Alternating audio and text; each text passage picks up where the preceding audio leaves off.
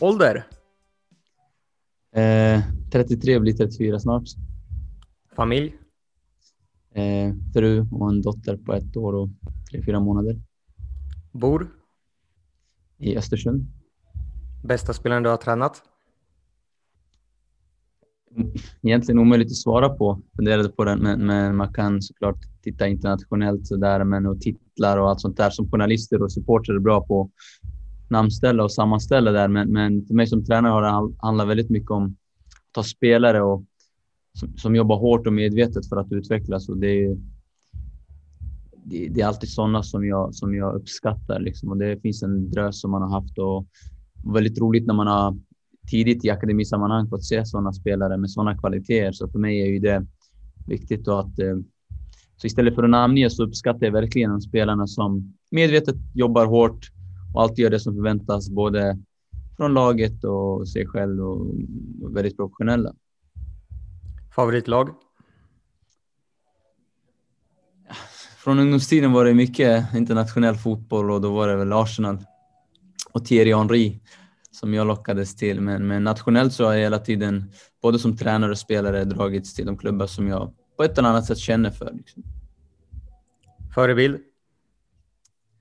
Mina föräldrar. Eh, eh, I övrigt kan jag inte säga att jag i något sammanhang haft någon direkt sådär role model eller förebild, men, men jag försöker samla intryck från, från, från eh, mycket som möjligt och de kontakterna man har och de samtalen man har. Men mina föräldrar eh, är närmast förebild. Naturgräs eller konstgräs? Naturgräs. Kostym eller träningsoverall på match? Ja, tillfälle. Jag försöker väl eh, vara så bekväm som möjligt som alla andra. Ibland blir det väl träningskläder, ibland blir det väl, ja, beror på tillfälle. Vad gör du på match då? försöker där eh, se till att både jag och övriga i truppen är, är eh, gör allt för att skapa optimala förutsättningar eh, och, och spela av 90 minuterna så bra som möjligt. Favoritsyssla utanför fotboll? Vara med vänner, familj, eh, vara i naturen, läsa och hålla på med musik.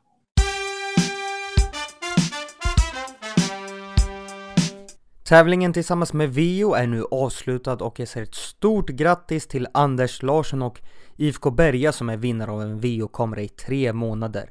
Stort tack till alla som deltog och till Vio som sponsrar Möt fotbollstränarna.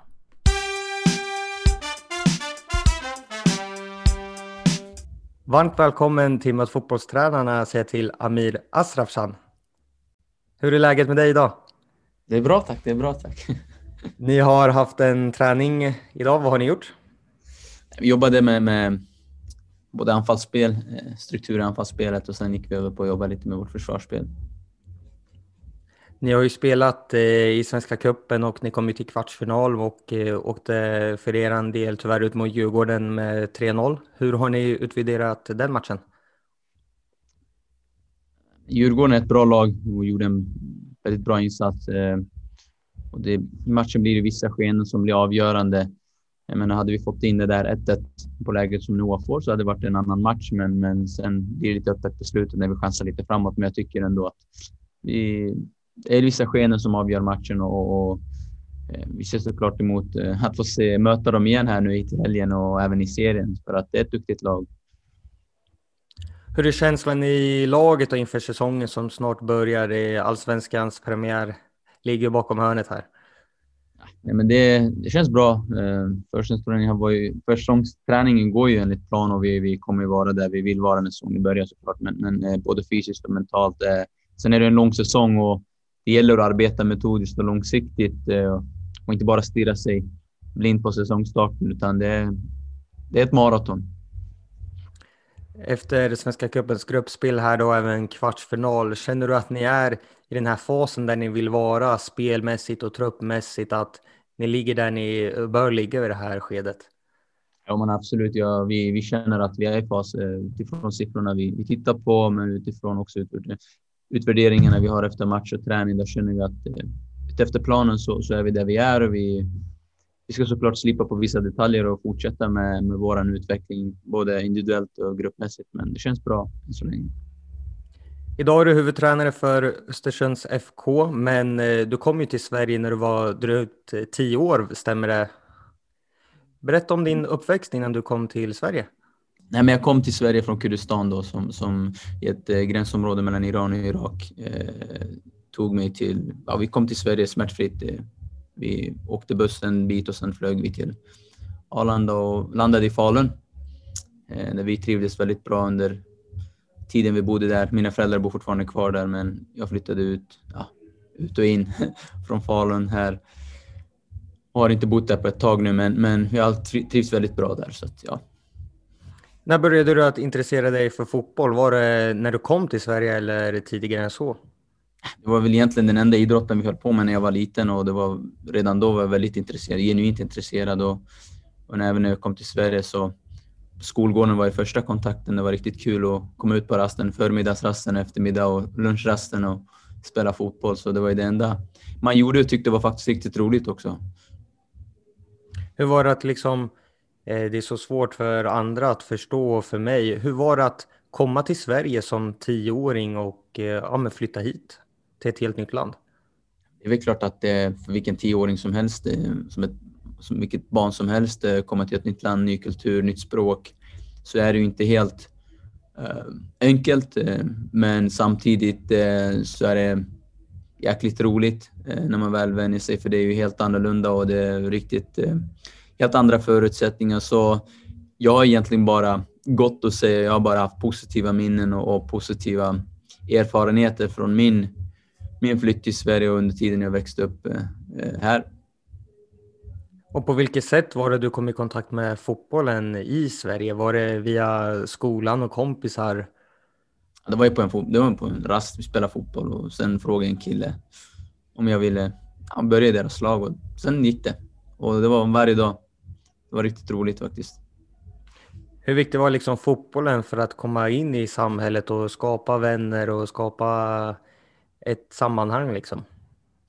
Det är ju svårt att säga eftersom jag inte gjorde annat än att det var fotbollen så om jag ska utifrån... Jag, jag kan inte tänka mig att något annat hade haft lika stor betydelse för att kunna få vänner, för att få ett sammanhang och vara i och, och, och trivas i. Så att för mig var ju fotbollen otroligt viktig. Det var en väldigt rolig period och de flesta vännerna som jag lärde känna via fotbollen och som jag tog med mig till fotbollen än idag är jag väldigt nära vän med dem. Och Eh, så att, så att för mig har det betytt väldigt mycket.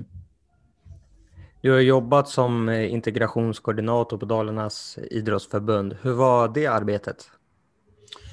Det var väldigt utvecklande och givande. Ett viktigt arbete, även om jag föredrar att tänka och prata i termer av inkludering eh, än, än integration eller integrering. För, för, för mig är det jäkligt viktigt att idrott är inkluderande och att alla har samma möjlighet oavsett vilken utbildning, Eh, vilken hudfärg, eh, var man kommer ifrån, eh, vart man bor, ekonomi. Det spelar ingen roll. Så ska det inte finnas en barriär för att få vara med i ett fotbollslag eller ett hockeylag eller få vara med i ett sammanhang. Och I det här fallet idrott. Så, så för mig var det ett väldigt, väldigt utvecklande och, och givande och, och, och, viktigt arbete.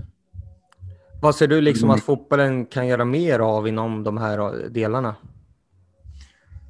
Jag tycker personligen det är viktigt och i de föreningar som jag arbetat i så har det alltid funnits ett, ett fokus på värdegrund och värderingar. Eh, och det gäller samma sak nu som när jag känner väldigt mycket fokus på värdegrund och värdering och, och det är inte, alltså, såklart också för att ett lag ska samarbeta och tillsammans nå, nå gemensamma mål och individuellt nå upp till höjder så är de här sakerna jäkligt viktiga. Men eh, men vad i fotbollen i stort kan göra så är det väl kanske andra som är mer insatta och, och som egentligen arbetar dagligen med det här som, som eh, kan svara på det. Och för mig handlar det väldigt mycket om att i den miljön jag är i och verkar i så är det viktigt att skapa och följa en värdegrund och, och, och värderingar. Eh, då tror jag att det smittar av sig både i samhället och för andra. Så, så jag tror fotbollen redan gör ett väldigt stort eh, jobb för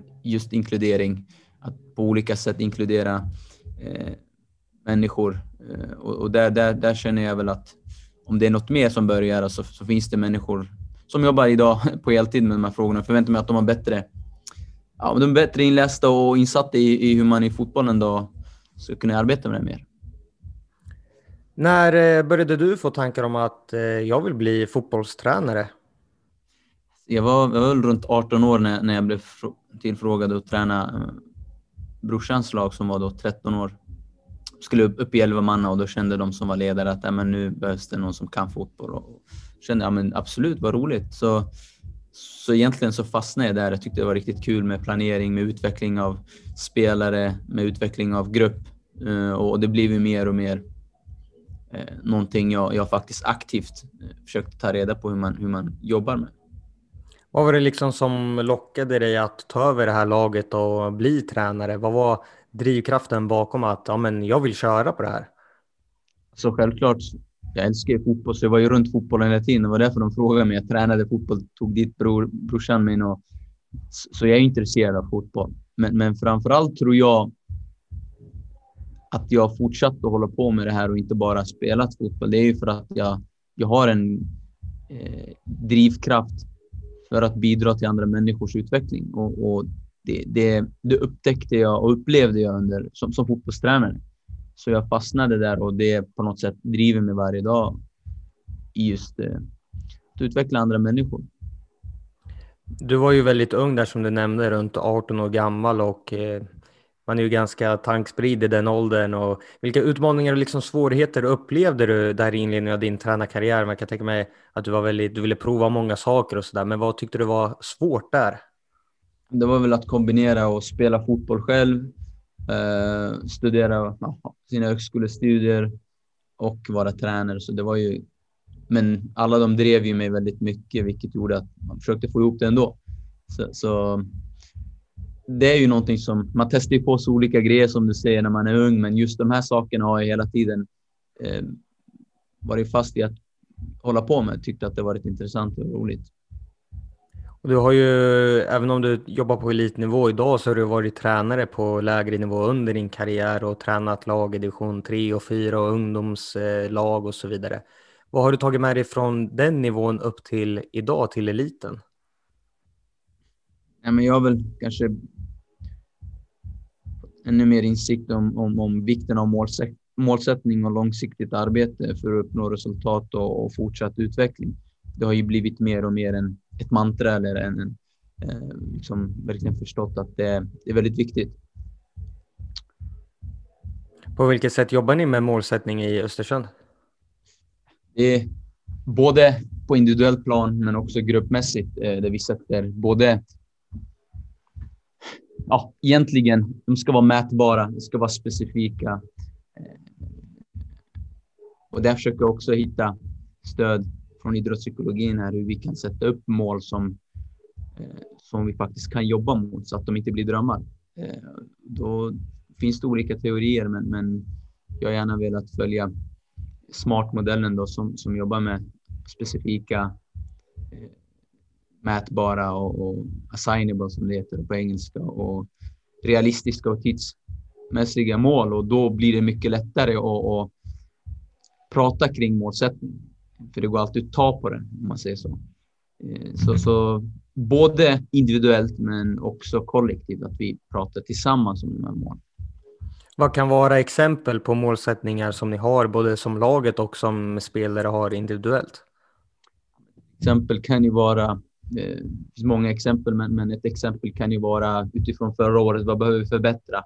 Då har vi tagit fram statistik på vad vi som grupp behöver förbättra och då är ju det är ju mätbart.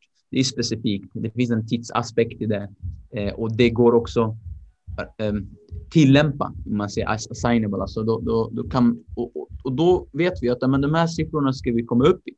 Till exempel kan vara, vi behöver vara i, i motståndarnas sista tredjedel eh, x antal gånger. Och då det är det ganska tydligt eh, liksom, specifikt.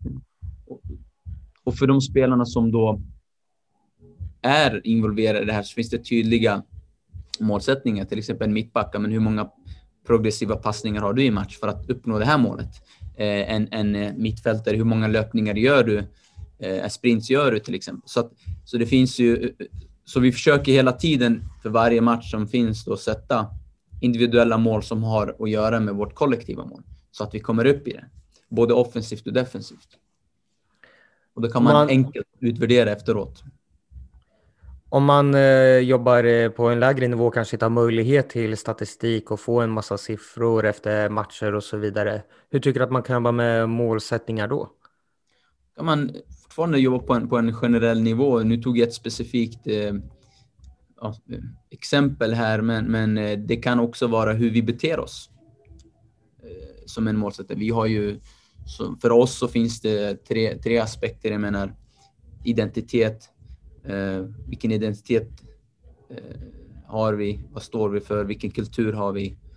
Och sen såklart specifik, specifik målsättning fotbollsmässigt. Så när man jobbar på, på, på en nivå, som jag också har gjort, där det inte finns data, så, så kan man fortfarande jobba på att eh, tillsammans komma överens om hur man vill se ut som ett lag. Och då är det ganska enkelt igen att efteråt utvärdera tillsammans. Men såg vi ut som det vi har kommit överens om? Kanske man inte alltid behöver siffror, men, men, eh, mm, men man kan alltid jobba generellt på generell nivå. Så länge de är specifika och mätbara och realistiska och tidsmässiga så, så tror jag att eh, oavsett nivå och vilka instrument man har att tillgå så, så går det att hitta. Innan du var i Östersund så har du varit i Djursholm men även i Dalkurd. I Dalkurd så jobbade du både i akademin och i A-laget. Hur var åren där när du fick jobba med elitfotboll och jobba med heltid med fotboll?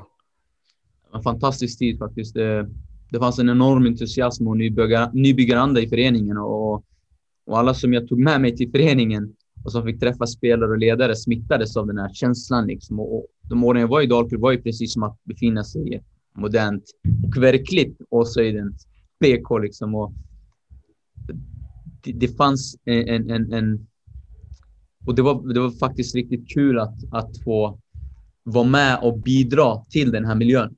Så det var inte bara att vara i den, utan det var också viktigt att få, få vara en person och en, med, sin, med allt det man är. Att få bidra till att eh, bibehålla och, och, utveckla en sån här miljö. Så, så jag trivdes väldigt bra. Och så var det ju en vända i Djursholm innan du nu kom till ÖFK.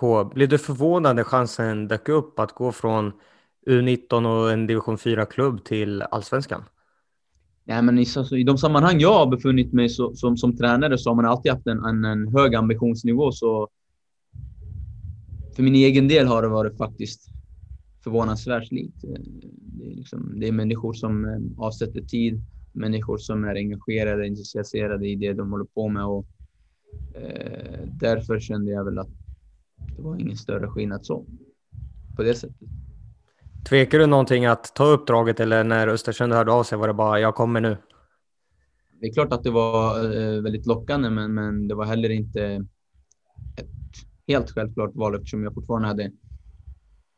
Oh, jag behövde ju egentligen, både med min egen fru Eh, och mina nära och kära som, som har alltid kloka råd för det är viktigt för mig att eh, där, där, där jag är så, så, så måste jag känna att förutsättningar och synsätten som finns i Östersund stämmer överens med mig själv. Och, och ja, efter eh, tanke, och det var ganska det var viktigt att det skulle gå fort i den perioden eh, eftersom de var i en situation som de var i. Så att och jag trivdes väldigt bra i, Öster, i Djursholm. Så, så nej, men det var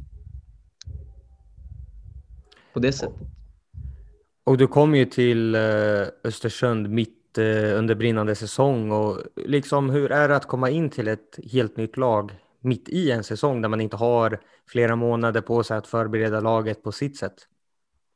Sen spelade vi också tre matcher i veckan så det var väldigt eh, hetsigt på det sättet. Nej, men jag försöker lägga väldigt mycket tid och, och, och energi på mötena mellan människor. Alltifrån ledare till spelare och till grupper, men också kollektivt. För, för mötet mellan människor och samtal är för mig det centrala.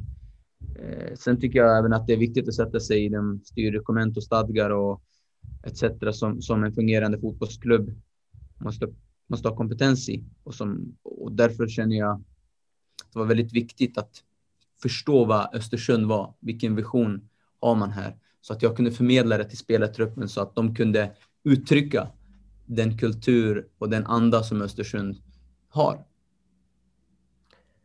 Och är det liksom det här, hur viktigt är det att man lär känna föreningen man kommer till och människorna och visionerna och så vidare, precis som du nämner, är det via samtal med de som jobbar i klubben man gör det? Först och främst tycker jag, jag är själv intresserad väldigt mycket av kultur och, och historia, alla de här bitarna som man själv är, så jag vill ju egentligen veta vad är Östersund? Vad är Jämtland? Jag visste ingenting om, om regionen Jämtland och Östersund, men jag fick lära mig ganska mycket här att man har nästan ett eget språk, citationstecken här, jämska liksom. Och, och, det är väldigt intressant för hur mentaliteten är här. Eh, det finns en anda om att man aldrig ger sig här och, och den kulturen eller, eller den andan som finns i Östersund eller i Jämtland, den ska uttryckas i Östersunds FK via fotboll. Och därför var det viktigt att inte enbart genom att träffa spelare och ledarna som är här, men även också ja, men förstå mig på Östersund som, som stad och Jämtland som, som region här. Och det gjorde ju att jag kunde förmedla eh, kulturen och identiteten som klubben verkar i. För det är ju som vilket annat företag som helst, om du inte andas där, där du verkar i, då blir det svårt att överleva. Så för mig var det väldigt viktigt att förstå vad Östersund står för. Och just den här kulturen som du nämner som finns i stan och klubben, har den, hur, på vilket sätt har den påverkat dig i ditt tränarskap? Alltifrån hur du är som ledare men även hur ni vill spela fotboll? Först och främst varför jag tackade ja till det här jobbet var ju för att det Östersund står för visionsmässigt men också hur regionen och staden är och vad de står för det ligger i linje med hur jag, vad jag tror på också. Eh, man ger sig inte, man, man, man, man jobbar. Och eh, det, det är ganska tydligt, alla som kommer till Östersund faktiskt upplever att människorna här är eh, positivt annorlunda från eh, vad de kanske upplevt innan från andra ställen och folk är öppna och stöttande och eh, vill verkligen gå framåt där. Så det, det, är en positiv anda som har ju påverkat mig såklart positivt och även eh, laget. Och det var viktigt att medvetandegöra eh, laget och spelarna om hur, hur folket och hur kulturen i Östersund är och hur det kan, hur de påverkar de människorna. Förutom fotbollsutbildning så har du även studerat kognitiv neuropsykologi och filosofi. Vad har det gett dig som du liksom har kunnat applicera i rollen som fotbollstränare? Nu, nu, kognitiv neurovetenskap, men, men för mig har det ju såklart handlat väldigt mycket om att ta med mig det, det arbetssättet man har eh, när man eh, jobbar inom kognitiv neurovetenskap eller när man eh, forskar inom det, eller även samma sak med, med, inom filosofin. Alltså, det är klart att man har tagit med sig en massa delar om inlärning, om informationshantering och perception och alla de här delarna, men för mig har det mer handlat om att jag fick ett vetenskapligt förhållningssätt när jag eh, gick de här, när jag var på de här studierna och det gör ju att jag försöker ta med mig det i fotbollen så att jag, när jag bestämmer mig för någonting så, så, måste jag ha haft den vetenskapliga, det vetenskapliga förhållningssättet. Att jag eh, vill gärna läsa på innan eh, och, och gå till den direkta källan innan, innan jag tar ett beslut eller innan jag ger mig en fattning om det. Till exempel kan vara fysträning. Då vill jag gärna läsa mig in på det och, och, och ta reda på vad forskning, senaste forskningen har att säga. Och det, det, det är väl det jag har egentligen påverkats mest i, i mitt tränarskap, att, att, att vara mer vetenskap, försöka vara mer vetenskaplig. När det kommer till ledarskap och ledarskapsfilosofi, kan du beskriva din? Jag tror väldigt mycket på, på mötet mellan och, och, och, mötet och samtalet, för där får man lära känna varje individ och därifrån vill jag hela tiden se eh, individens styrkor, vad det nu må vara, och försöka sätta dem i den kontexten vi befinner oss i. Medvetandegöra det för resten av gruppen och ibland kanske för dem själva. Men det är väldigt viktigt för mig att lära känna varje individ och få den att få en plats i den här gruppen, eller det här eh, eh teamet. På vilket sätt jobbar du med individ, individerna i ett lag och liksom skapar relationer? Är det via att varje dag ja, men, snacka skit och ta ett kort individuellt samtal? Eller på vilket sätt skapar du det här bandet till dina spelare? Jag försöker inte snacka så mycket skit, men, men jag försöker eh, arbeta mycket med samtal, både individuellt och, och, och i grupp faktiskt. Och, och, att skapa en inkluderande miljö där alla kan bidra ser jag som väldigt viktigt för det, det kan vara på olika sätt och vi har olika verktyg. Men om man har det individuella samtalet, om man har gruppmötena, då, då kommer man se alla och då skapar man den här inkluderande eh, känslan som gör att människor vill vara med och bidra. Hur viktigt är det just att få spelarnas förtroende och att komma dem nära och skapa det här bandet? Men det är väl viktigt. För det är liksom, det är därför jag lägger ner ganska mycket tid på det individuella och kollektiva samtalet för att kunna komma eh, spelarna nära och, och förstå deras eh, styrkor och hur vi kan hjälpa dem. Och det är återigen så, så, så är ju så är förtroende och nära dialog centralt i, i mitt ledarskap. När det kommer till eh, den stora helheten och till gruppen och sammanhållningen, på vilket sätt har du jobbat med det i Östersund? Vi pratar väldigt mycket om vision, värderingar och målsättningar. För det är någonting som alla kan känna igen och, och, och eh, förhålla sig till. Så det är väldigt viktigt att, att jobba kring de bitarna och fråga, eh, diskutera kring de frågorna. Psychological safety är ett begrepp inom grupppsykologi och eh, vad, vad, innebär det och hur har det påverkat eh, ert lag? Men det är viktigt att skapa en bra miljö där alla kommer till sin rätt eh, och, och kan känna att eh, de har en plats eh, och, och, då är det viktigt att, och ha en psychological safety i, i, i gruppen så att varje individ eh, kan känna att de är accepterade, respekterade och har en plats i den här gruppen där man kan göra fel, där man kan göra rätt och inte bli dömd efter utan man är en del i det här och det är väldigt viktigt. Eh, och såklart kommer det både eh, påverka prestation och, och utvecklingen positivt om det finns. Hur skapar man det här då, att det är okej okay att göra misstag och vilka typer av misstag är liksom okej okay och vilka misstag är inte okej? Okay? Jag tror det handlar om att man kan inte peka på att det är så, så man gör. Det handlar om att det blir en anda och en kultur som man bygger där människor blir eh, hela tiden eh, upphöjda för det de gör bra. Det finns en positiv förstärkning hela tiden i det de skapar. Och på så sätt får de alltid en plats i den här gruppen och blir respekterade. För. Så när det väl blir fel sen så är det okej okay för att de här personerna har hela tiden bidragit på sitt sätt innan. Och, och det är också det startar ju med mig själv och resten av ledarstaben. Om vi då, då hela tiden eh, jobbar med positiv förstärkning och ser till att och kanske inte första vi gör att eh, ja, bestraffa en person som gör fel eller och, så, så, så, tror jag att det sakta men säkert skapas. Och såklart ska man också prata om det här eh, och, och, aktivt jobba med att, ja, men, eh, som ibland kan det uppstå situationer i vilken fotbollslag som helst där man, där man kanske rycker ifrån. Eh, men att det är viktigt att förstå då att det här är inte personligt, det här är eh, en arbetssituation och då är det också, kommer tillbaka till hur säger man saker och ting. Så det är ju en process som har pågått under en tid, men till slut så kan man nästan säga vad som helst och då kan folk ändå känna att det är okej. Okay, därför att det finns en psychological safety där. Har ni arbetat något med att komma överens om förhållningssätt och regler och värderingar, vad som är viktigt i ert lag och vad ska man liksom förhålla sig till? Vi pratar väldigt mycket om vision, värdering och målsättningar och, och de här bitarna är viktiga för ett lag. Så det, ja. Vad är det ni har kommit överens då som liksom spelarna ska ja, men förhålla sig till?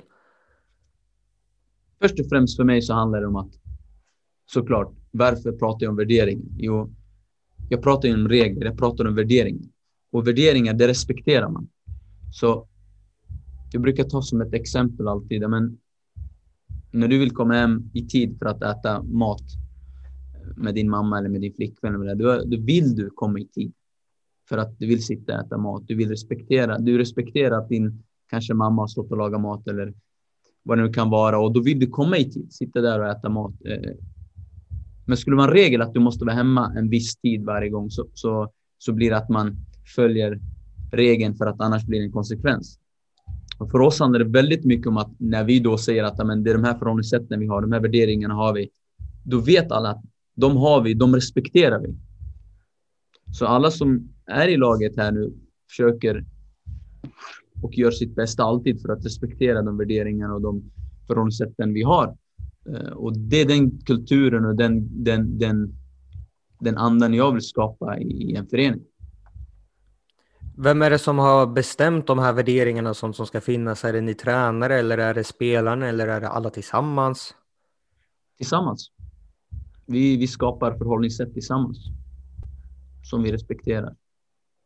Är det något ni liksom har eh, satt er ner och pratat om eller hur, på vilket sätt har ni kommit överens om de här bitarna? Absolut, absolut.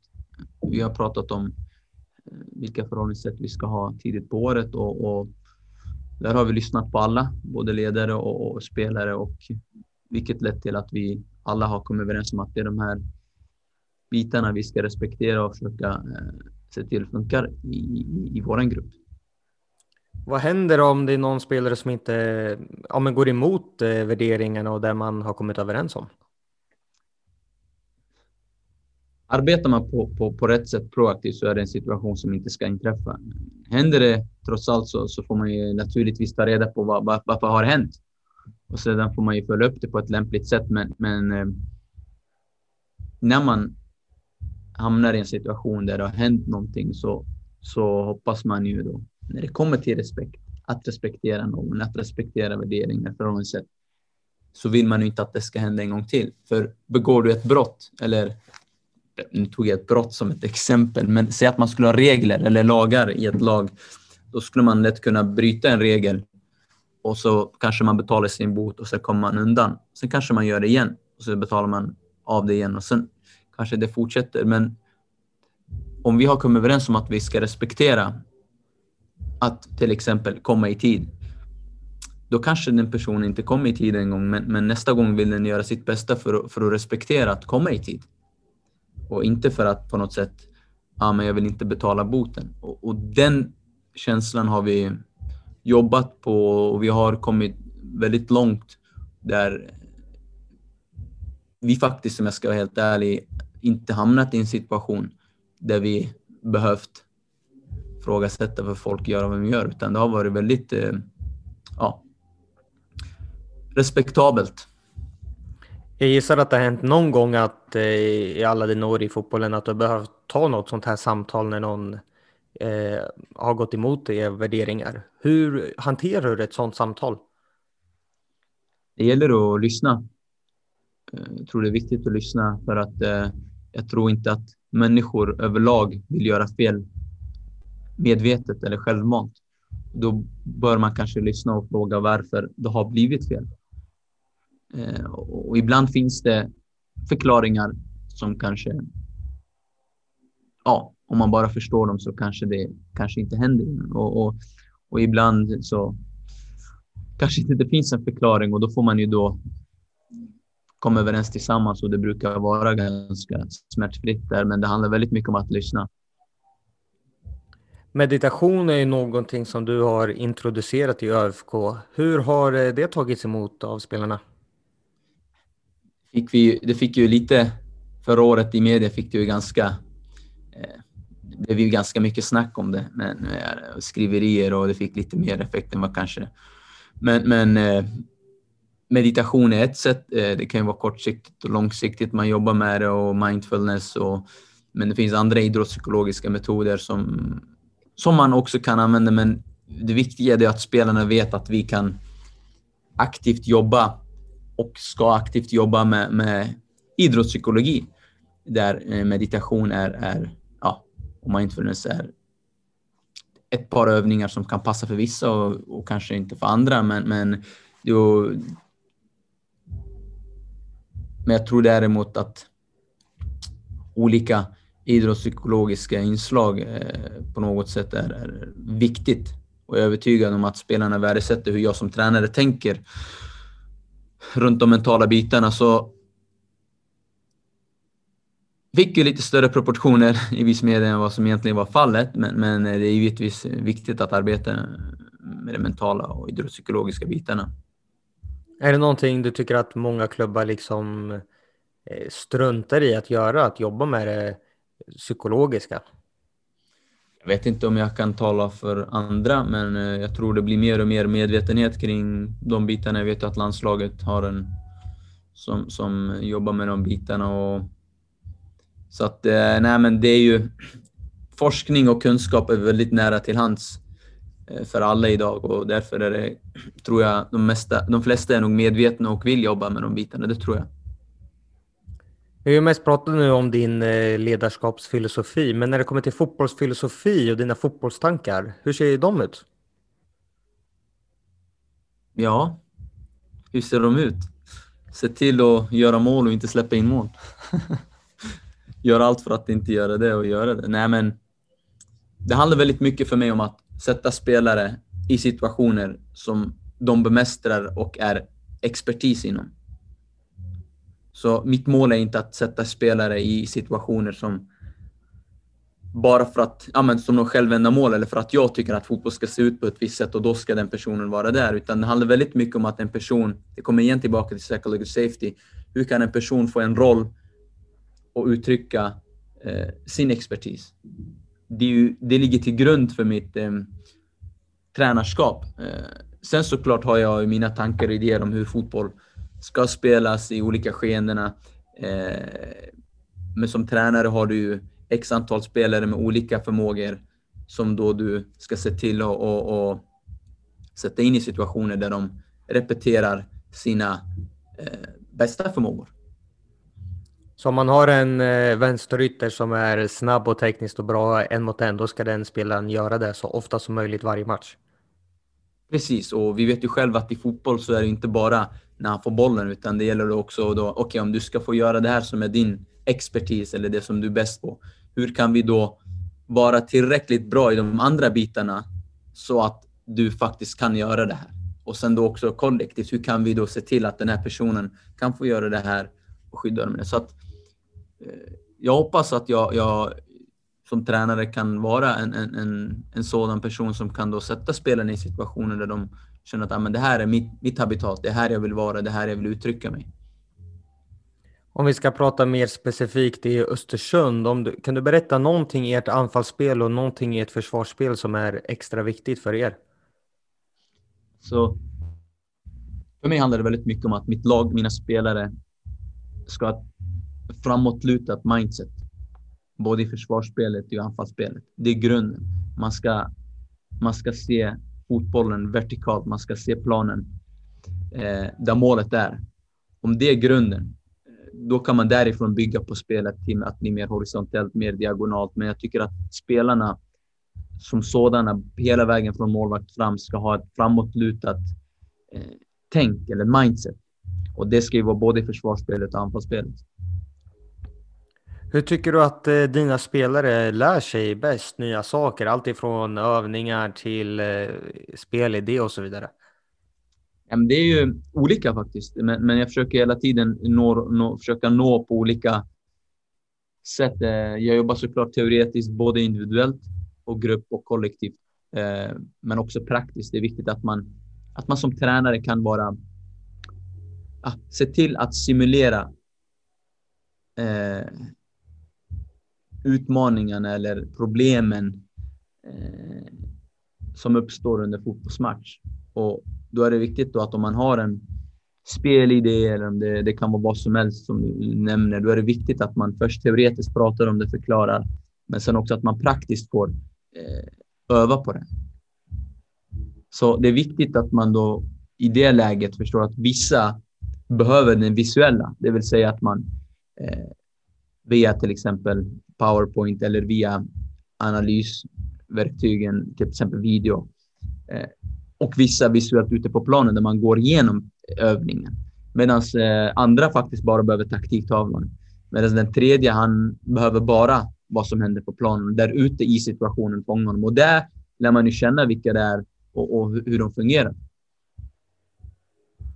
Så det är mer liksom att man, eh, man får helt enkelt anpassa utifrån att alla individer är olika och att eh, även på elitnivå i allsvenskan så behöver man introducera saker på flera olika nivåer och på flera olika steg. 100 procent och det, det är viktigt att veta att varje gång man gör det så ska man se till, att försöka verkligen nå dem visuellt eh, och, och sensoriskt, jag menar ute på planen så att de får känna på det. Och till slut tror jag att man någonstans lär, lär, lär sig att lära sig på det sättet. Så, så vissa kanske inte är vana med det visuella, de behöver bara det praktiska där ute. Men till slut tror jag faktiskt att det finns, jag har märkt på vissa att de får en mer och mer förståelse för hur, hur, okay, hur jag kan ta med mig det jag ser här nu på, på mötet här till planen. På vilket sätt skulle du säga att du brukar ut, eh, utvärdera ditt tränarskap? Eftersom för spelarna så, så försöker jag hela tiden eh, utvärdera mina träningar och matcherna. Eh, både hur jag ligger till i hur jag varit i planeringen men också kontinuerligt ha möten med, med ledarstaben och se till att där också utvecklas både som ledarstab men också individuellt. Eh, så, så jag tror jag försöker och hoppas att jag eh, gör det tillräckligt, men det är någonting som hela tiden finns där att utvärdera dig själv. För i slutändan måste jag på samma sätt som jag utvärderar laget och spelarna och, och spelet också utvärdera mig själv. Vart låg jag i min förberedelse? Var jag rätt ute den här gången? Hur kunde jag göra bättre? Var jag tillräckligt bra? Och så vidare. Hur gör du för att utvecklas som fotbollstränare och varje dag bli en bättre tränare? Självklart utvecklas man ju i det dagliga eh, där man är, som du säger, reflekterande, utvärdera sig själv och, och, och verksamheten jag befinner mig i. Den är väldigt utvecklande på alla sätt för jag känner verkligen genuint att jag lär mig någonting nytt varje dag, varje match, varje träning och med varje spelare och på så sätt utvecklas man ju varje dag. Men, men sen tror jag också det är viktigt för mig själv också att hela tiden försöka hitta eh, olika källor till, till eh, åtminstone att bredda sitt perspektiv och, och, och bredda eh, kunskapen man har så att man kan förstå människor, man kan förstå grupper, man kan förstå livet eh, från olika perspektiv på olika sätt. Eh, då tror jag att man både växer som ledare och, och, och tränare. Vad tycker du är svårast och mest utmanande i ditt tränarskap? Jag tror att jag vill, man vill ju som tränare se allt och, och, och inte missa någonting. Och det som är utmanande det är ju att hela tiden ha den känslan och ändå känna att okej, okay, eh, jag har sett det jag ska se och behöver se. Så att man är ju man är ju vaken, man är ju på. Eh, men det är utmanande att faktiskt fånga allting och man vill ju fånga allting.